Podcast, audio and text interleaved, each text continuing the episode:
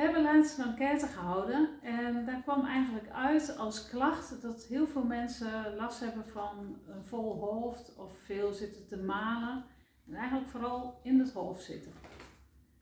Wij zijn Astrid En Erik, van Praktijk Puur Voelen. We willen je daar iets meer over vertellen.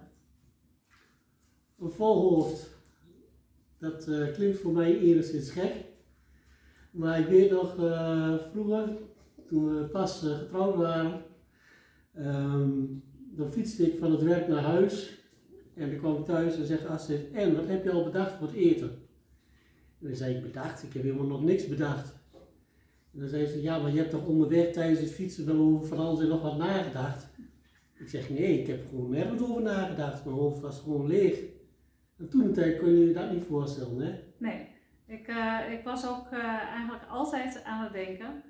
En ehm, over van alles en nog wat. Dus eh, over gesprekken die waren geweest, of over dingen die moesten gebeuren. Of, en ik onthield ook alles, alle gesprekken. Eh, en de ander wist daar vaak helemaal niks meer van. Dus het bracht me ook helemaal niks. En dat duurde een tijd voordat ik daar bewust van werd dat dat eigenlijk niet normaal was. Door Erik onder andere. En heel veel mannen hebben daar inderdaad minder last van. En veel vrouwen gaan eh, in hun hoofd zitten inderdaad. Maar jij had laatst ook een voorbeeld van eh, vanuit een cliënt. Ja, dus iets eh, wat uit de enquête kwam. Dus veel mensen hebben dan klacht van dat volle hoofd. Maar dat is ook iets wat je vaak in de praktijk tegenkomt. En ehm, nou ja, dan probeer ik me dat enigszins voor te stellen. En dan mag je dus gaan kijken van oké, hoe is dat dan? Stel je nou eens voor dat, het, dat je in een drukke winkelstraat bent. En ehm, dat je last hebt eh, van alles wat er om je heen gebeurt. En dat je dat allemaal ziet. Je hoort eh, alle geluiden uit de winkel, je hoort de muziekjes uit de winkels. Maar iedereen die langs je loopt, die zie je. En als je dan een tool in handen hebt, dan kun je bijvoorbeeld zeggen van weet je, als ik dat allemaal niet wil zien, dan sluit ik gewoon mijn ogen en dan heb ik veel minder prikkels. Dus dan, dan is dat handig. Alleen met een vol hoofd en het continu blijven malen, ja, dan kun je niet even je ogen sluiten en dan is het weer over. Dus daar heb je dan ook hulp bij nodig van, goh, hoe, ga ik dat, hoe kom ik uit mijn hoofd en hoe ga ik dan die rustmomentjes daarin pakken? Ja, ik eh, ben eh, tijdens behandeling vaak bezig met eh, energie, echt een energiebehandeling ook geven. En daarbij voel ik vaak ook in het lijf eh, aan of de blokkades zitten of niet, of de doorstroming goed is of niet qua energie. En ik merk vaak dat eh, bij mensen die in hun hoofd zitten, de doorstroming in hun lijf niet goed is. Dus er zitten blokkades waardoor die energie stokt en ze dus ook letterlijk de energie hier vasthouden, zeg maar. Dus dan echt in het, in het hoofd blijven zitten. Maar het kan ook een eh, soort eh, beschermingsmechanisme zijn. En daar had jij helaas een voorbeeld van.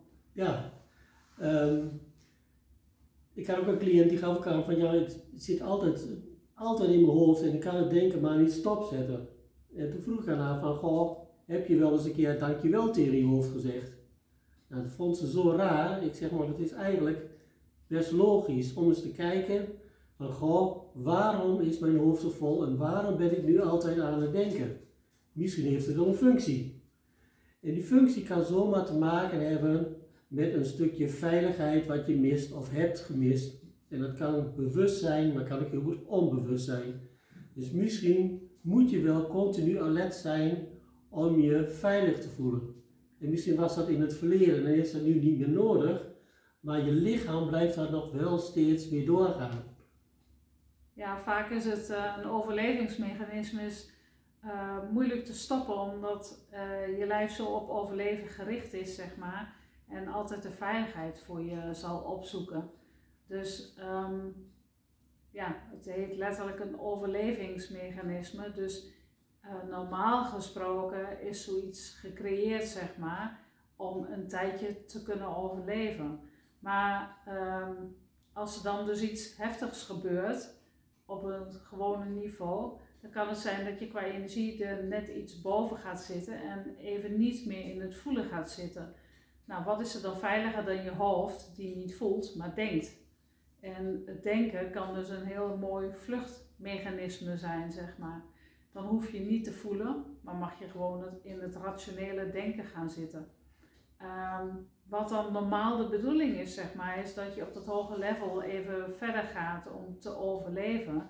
En dat je na een heftige periode weer terug gaat kijken van hé, hey, maar wat was er ook alweer gebeurd en wat heeft dat met mij gedaan? En ehm, soms gebeurt er dan alweer het volgende heftige en zit je alweer daarin. En dan blijft die onderlaag blijven bestaan, al die emoties blijven daar zitten, maar je komt er niet aan toe om het te verwerken, zeg maar. Dus dat blijft ergens op de ondergrond meespelen. Maar in dat overlevingsstukje zit je niet meer in dat voelen en voel je dat dus ook niet meer. Maar het suddert nog wel steeds op de achtergrond. En vaak ontstaan van daaruit dus weer klachten uh, ja, die op een gegeven moment opspelen en waarvan je denkt, ja, ik heb geen idee waar dit mee te maken heeft. Maar ja. ondertussen verwijst het dus naar een oude gebeurtenis. Ja, dat kunnen psychische klachten zijn, hè? dat kunnen ook heel goed lichamelijke klachten zijn. Ja, of gewoon de uiting van een voor jou uh, heftig iets of een onveilige periode, waardoor dus die vlucht nodig was. En wat dus ook heel fijn is dat dat gebeurt, want ik bedoel, daardoor overleef je het letterlijk. Het heet niet voor niks overlevingsmechanisme. Ja. En uh, ja, dan is dat hoofd gewoon heel erg veilig. En dus is het inderdaad wat jij zegt, mag je dankjewel zeggen tegen je lijf en tegen je hele systeem van nee, dat je dat op zo'n manier oplost. Ja, en daarna is het dus belangrijk om te weten van oké, maar hoe zou je het dan ook willen? En wat gaat het je dan brengen? als je zegt van ja, ik wil, ik wil dat mijn hoofd leger is, ja, dan betekent het ook dat je dan ook meer rust krijgt. maar hoe kom je daar dan? En ehm, ken je dat gevoel al wel? Want ik vraag vaak aan cliënten van, goh, als je nu terug mag kijken op een periode in je leven, hoe zou je je dan weer voelen? Hoe oud was je toen en hoe voelde je je toen? En veel cliënten die komen dan wel weer in een bepaalde periode, meestal is dat een beetje in of dat ze het puberen zijn en de vrijheid voelden om dat te doen wat ze graag wilden. Maar heel veel gaan ook echt naar de kindertijd, dus uh, lagere schoolleeftijd. Waarin ze zeiden van ja, toen was ik nog wat speelser en hoef ik minder over dingen na te denken. Maar er zijn ook cliënten die zeggen van ja, maar ik heb altijd een vol hoofd. Ik heb dat altijd gehad. Dus ik weet ook helemaal niet hoe het is om het niet te hebben. Ja. En dan is het heel erg lastig om naar iets, iets te verlangen waarvan je eigenlijk niet eens weet hoe dat voelt. Terwijl je weet van hoe het nu voelt, is niet goed. Ja, maar dat heb ik dus ook altijd gehad. Dat heb je ook altijd gehad. Ja, ik was ook altijd aan het denken en dat, uh, dat kost ook geen enkele moeite. En ook om alles te onthouden kost ook geen enkele moeite. Maar op een gegeven moment kwam ik er dus achter door de opleidingen die ik deed en de uh, sessies die daarbij hoorden, zeg maar, dat het eigenlijk helemaal niet zo normaal was. En dat het je ook eigenlijk ontzettend veel energie kost. Ik bedoel, altijd maar denken. Altijd maar bezig zijn in het hoofd. Daarin geen rust creëren. Ja, kost ontzettend veel energie. En het is ook zo jammer energie. Want waarom zou je dat allemaal willen onthouden? En waarom zou je constant willen denken? Het is heel fijn om ook die rust te mogen voelen. En gewoon even helemaal niets te hoeven. Maar om dat te leren, kost wel even moeite. En uh, dat is ook waarom we daar ook een onderdeel van hebben gemaakt uh, in ons uh, programma Kom in balans en krijg energie. Dat is echt een apart thema van oké, hoe krijg je dat hoofd leeg? En welke oefeningen kun je daarvoor doen? En hoe kun je dat zelf ook elke keer weer even oppakken? Want dat is natuurlijk iets wat je niet kent. zul je een beetje moeten trainen, zeg maar.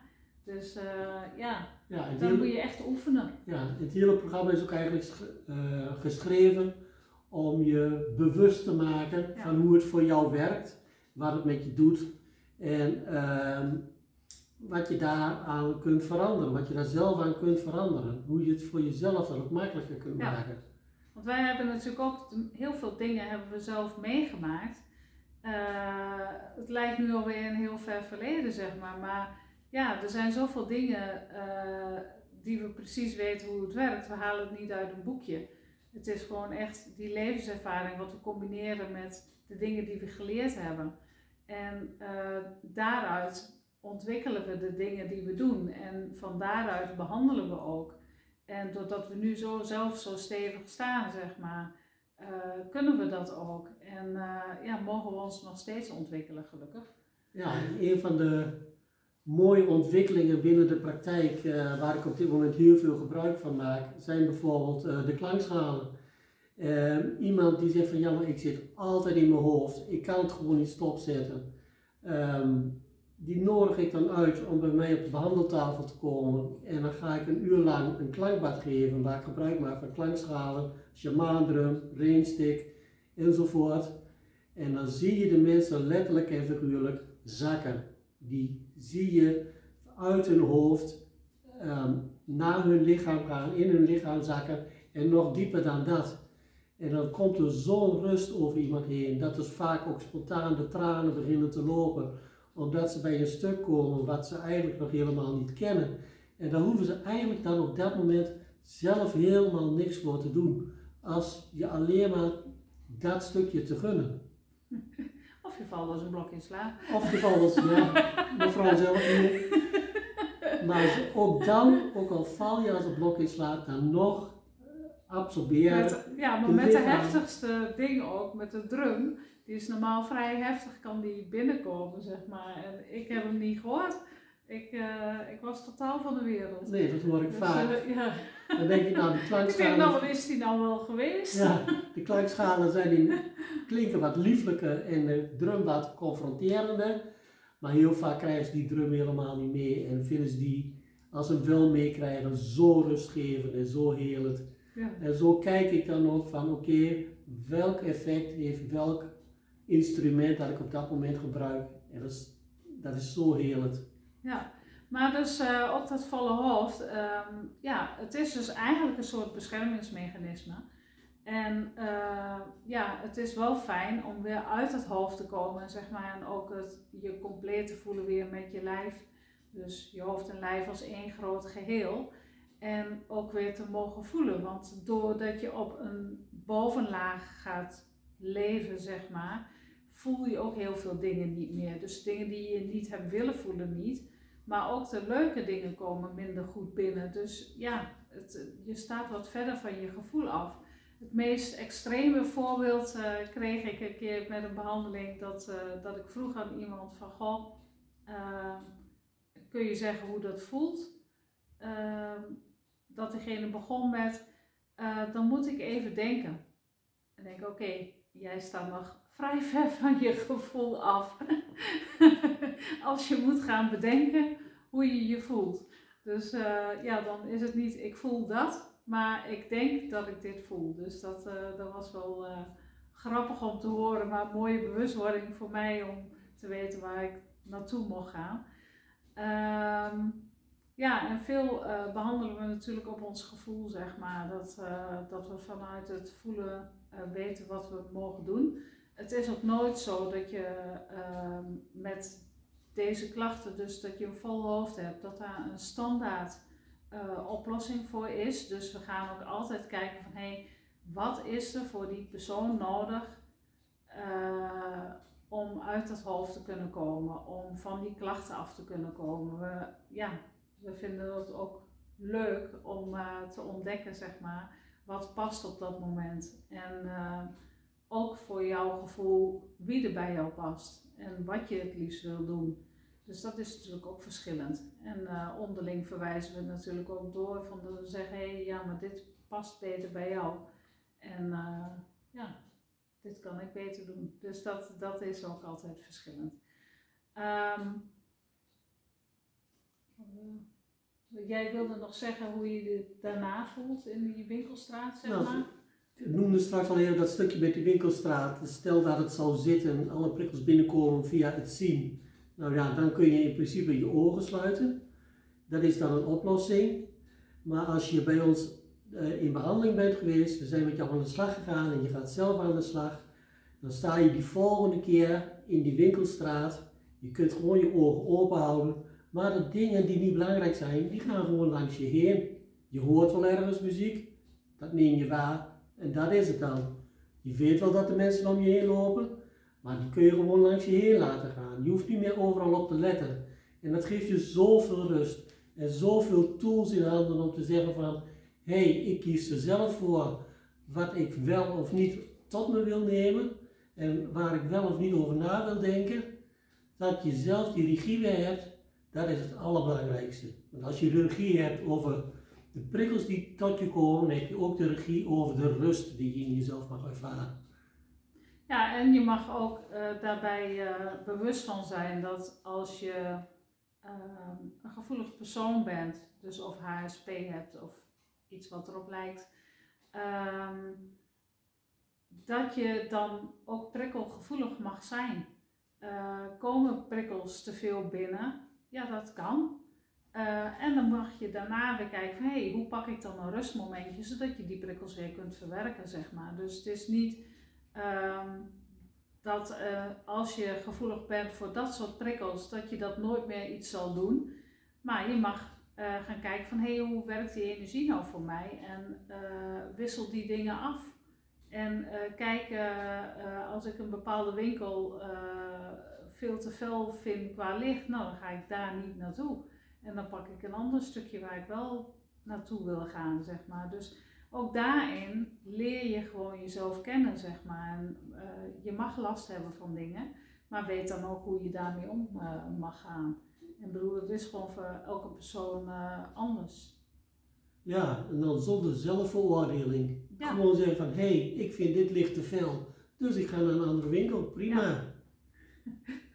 ja. Ik ben wel eens inderdaad echt weer ergens weggelopen omdat ik zo gek werd van al dat licht. Ook, uh, ja, ja ik hou er niet van. Of, ja, of je hebt een hele leuke winkel met heel leuk licht, maar de muziek die opstaat, die triggert je zo. Dat je zegt van ja, daar heb ik ook geen zin in. Dat, ja, uh, precies.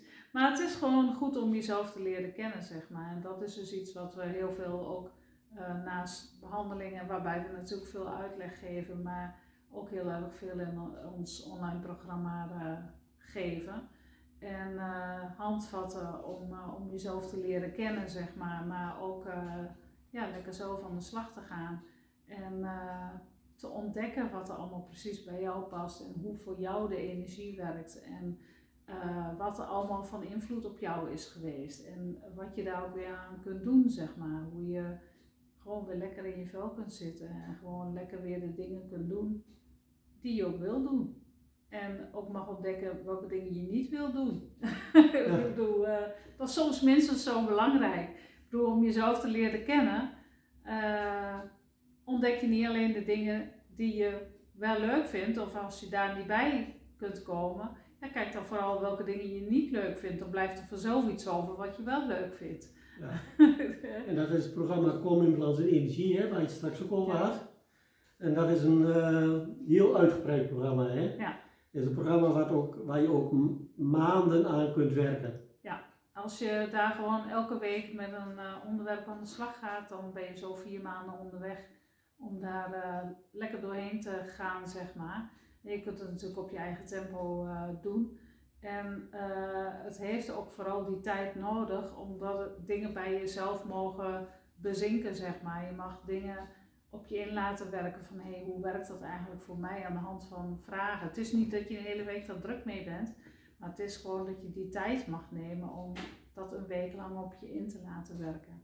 En dat, dat is de kracht uh, van een programma. Je kunt wel alles snel doorlezen, maar zo werkt het niet voor je, zeg maar. Zo gaan de dingen niet binnenkomen en gaan de dingen ook niet het effect hebben.